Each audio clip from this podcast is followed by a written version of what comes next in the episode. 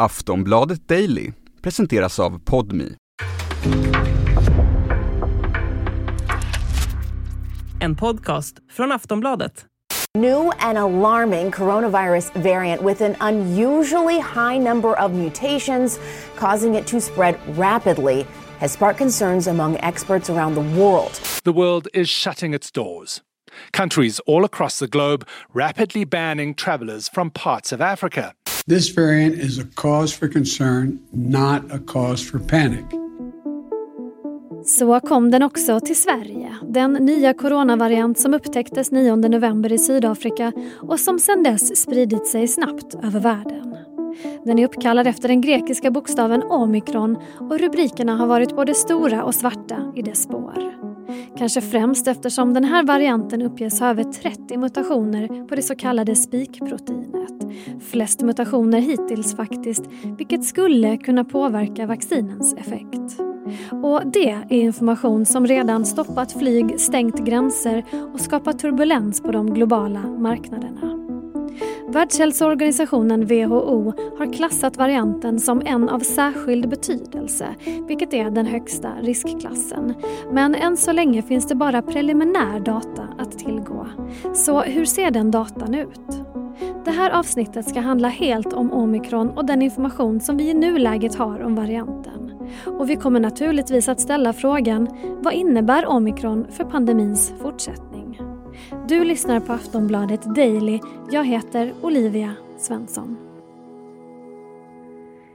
Vi ska i det här avsnittet prata med Ali Mirazimi, adjungerad professor i klinisk virologi vid Karolinska institutet. Och vi börjar med att fråga, tycker han att vi ska vara oroade för omikron? WHO har klassat det här viruset som ett bekymmersamt virus och eh, viruset kommer i en fel säsong i och med det är kallt och vi ser eh, det här är eh, vintersäsongbunden infektion och sen nu ser vi samhällsspridningen går upp. Så, så det finns skäl att vara orolig men å andra sidan de åtgärder som finns idag är ju är just att gå och vaccinera sig och de vaccinerna skyddar idag mot den covid-variant som är dominerande i, i de flesta eh, europeiska länder. Vi kommer återkomma till frågan om just vaccinen här men om vi ska koncentrera oss på omikron, varför är just den här varianten en som vi måste ta på allvar? Alltså vad har den för egenskaper som oroar då bland annat WHO? Eh, det finns inga, eh, vi vet, alltså jag måste börja med att säga att vi vet ytterst lite om just den här varianten. Eh, för att man ska vara Eh, eh, orolig eller bekymrad. Så det är tre egenskaper som man har tittat på. Ena är om viruset eller varianten ger en svårare sjukdom eller om den är mer smittsam eller den passerar skyddet som man får genom vaccinet. Och just i alla de här tre eh, parametrarna har vi ingen kunskap just kring det här varianten. Så vi vet inte. Däremot det vi vet att eh, viruset har 30-tal ändringar eller mutationer på spikeproteinet och spikeproteinet är det protein som vi använder oss att göra vaccin.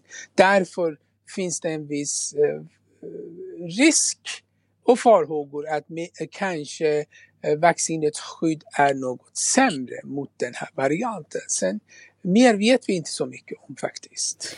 Det här med att det är över 30 mutationer på, på spikeproteinet, det låter ju ändå väldigt mycket. Visst är det, alltså det, det, det mesta man har uppmätt hittills på en variant?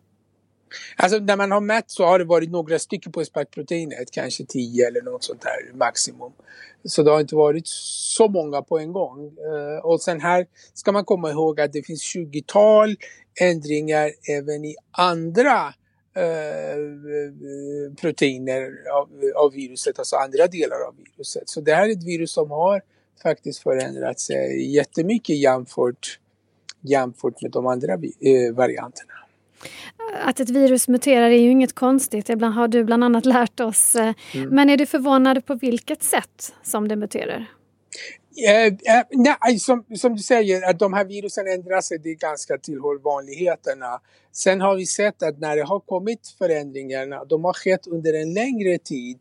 Eh, men nu plötsligt dyker upp ett virus med 50 ändringar på en och samma gång.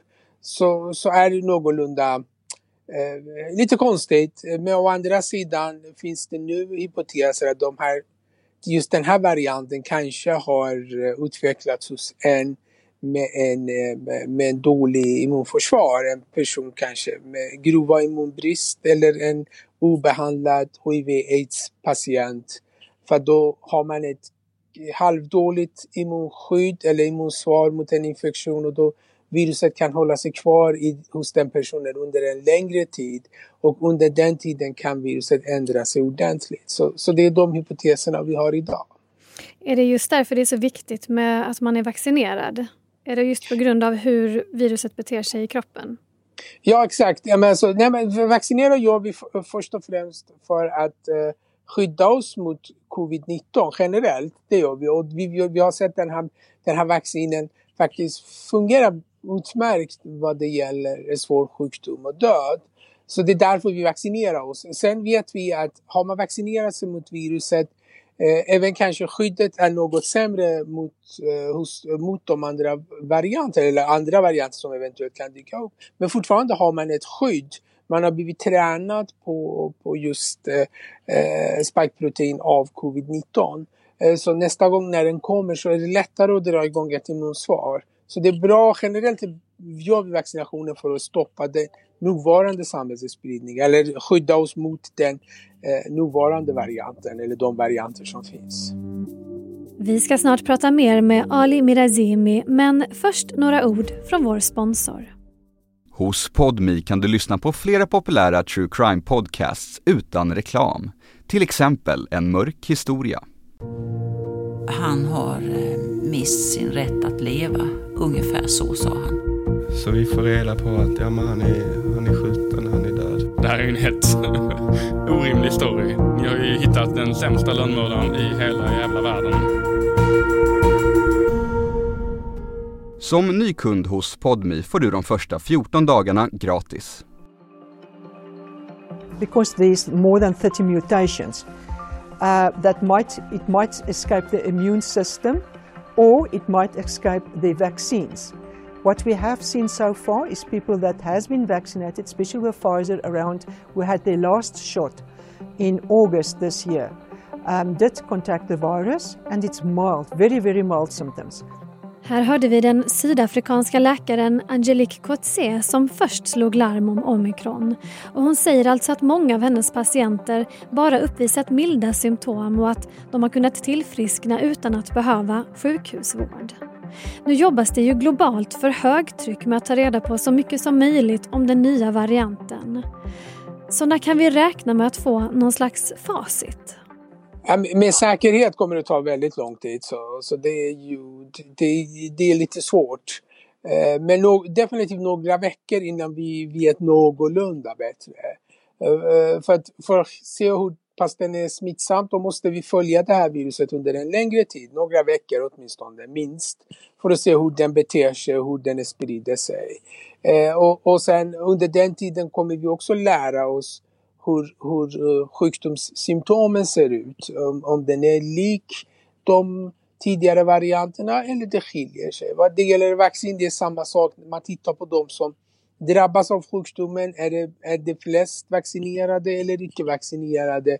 Och där, därmed kan man dra preliminära slutsatser om, om viruset passerar vaccinskyddet eller inte. Men vi får avvakta några veckor i alla fall för att kunna säga någonting. Nu har ju reaktionen på den här nya varianten varit väldigt eh, alltså, dramatisk kan man säga. Vi stänger ner, vi stänger gränser, restriktioner ökar i många länder. Är det rimligt när vi fortfarande vet så lite? Vad tycker du om det? Nej, men alltså, vad, alltså, vi tar de här åtgärderna, eller de här eh, länderna generellt och myndigheter generellt tar de här åtgärderna för att här eh, ser de en viss eh, potential, en viss risk rättare sagt, att, eh, att det här viruset kanske är, eh, kan passera vaccinskyddet och därmed eh, skapa eh, belastningar på sjukvård och så vidare. Det är därför man tar de här försiktighetsåtgärderna. Eh, så det är skälet, det är mer en försiktighetsåtgärd. Baserat det vi vet idag är, är faktiskt ingenting som vi, vi kan säga med säkerhet men jag tycker det är bra att myndigheterna och experterna och forskarna är på tårna och agerar så snabbt de kan. Men, eh, men eh, eh, hur effektiva de här åtgärderna är, är ju liksom något som kan diskuteras länge. Diskuteras länge. Om vi går tillbaka till frågan om vaccinen då. Vi hörde ju tidigt att man skulle kunna uppdatera dem eh, och att man på så sätt skulle kunna komma till bukt med även nya varianter. Men när det gäller deltavarianten till exempel, hur har det gått med vaccinuppdateringen där? Där har man inte, än så länge har man inte uppdaterat det för att eh, de, de, alltså de här företagen har inte sett kanske skäl till att kanske behövs en uppdatering. Eh, för att det, det nuvarande vaccinet fortfarande fungerar väldigt bra när man tittar på i, i helhet mot deltavarianten. Eh, så, så ja, det stämmer. De här vaccinerna kan ganska omgående eh, göras om och, och ta fram nya vacciner, eh, kanske inom ett par månader, tre månader så kan det vara licensierat och klart för att kunna användas. Men eh, Eh, det måste finnas en incitament varför ta fram den och då måste det vara ganska tydligt att, att eh, de här varianterna kan passera all skydd man får från vaccinerna eller tillräckligt mycket eh, passera vaccinskydden för att företagen ska börja dra igång en produktion av nya ny, ny version av vaccinet.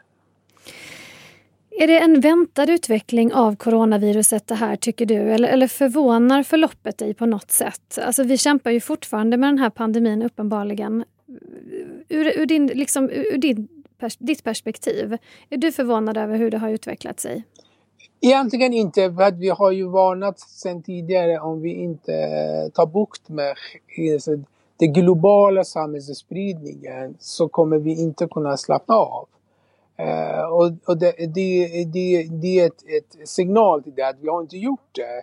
Det räcker inte att alla europeer och rika länder får fjärde och femte dos och eh, uh, känner sig skyddade. Så länge finns det vaccinerade eller halvvaccinerade populationer i Afrika eller vad det kan vara i, runt i världen så finns det risk för nya varianter och nya varianter kan eh, sätta skräck igen på samhället för att här, vi, här för att vi inte vet så mycket. Eller kanske de har en egenskap som är ju eh, kan skapa en oreda, bland annat att passera vaccinskyddet eller, eller, är smitt, eller smitta väldigt mycket eller eh, med, med mer kraft. Så, så, så länge vi inte kommer eh, undan det globala problemet så, så, får vi leva med det här. Och, och, på det sättet var det inte så där jätteöverraskande att det skulle dyka upp en ny variant som, som kanske skapar en viss oreda. Skulle du säga att det är den ojämlika vaccinationsgraden i världen som gör att vi befinner oss där vi befinner oss just nu? Definitivt en bidragande faktor. Att, att, att så länge vi inte vaccinerar alla med en, snabbare takt så, så kommer det, resultatet vara någorlunda så här ett tag framåt. Och då kommer vi också få se nya varianter? Då kommer vi se nya varianter eller ja, nya scenarier som påverkar. Hur, eh, hur eh, jobbar du själv nu med, med omikron? Är det någonting som du och dina kollegor jobbar med att få fram information om? Ja absolut, det gör vi också. Vi försöker eh, ta fram så mycket kunskap vi kan. För, för att vi försöker också ta fram både vacciner och antiviraler mot, mot covid-19. Och vi försöker eh, liksom forska åt det hållet för att kunna förstå de eh, plattformar eller de strategier vi jobbar med är, är eh, kraftiga mot även omikron. Sist här hörde vi Ali Mirazimi, adjungerad professor i klinisk virologi vid Karolinska institutet.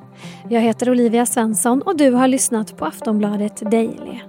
Följ rapporteringen kring den nya varianten på aftonbladet.se och så hörs vi snart igen. Hej då! Du har lyssnat på en podcast från Aftonbladet.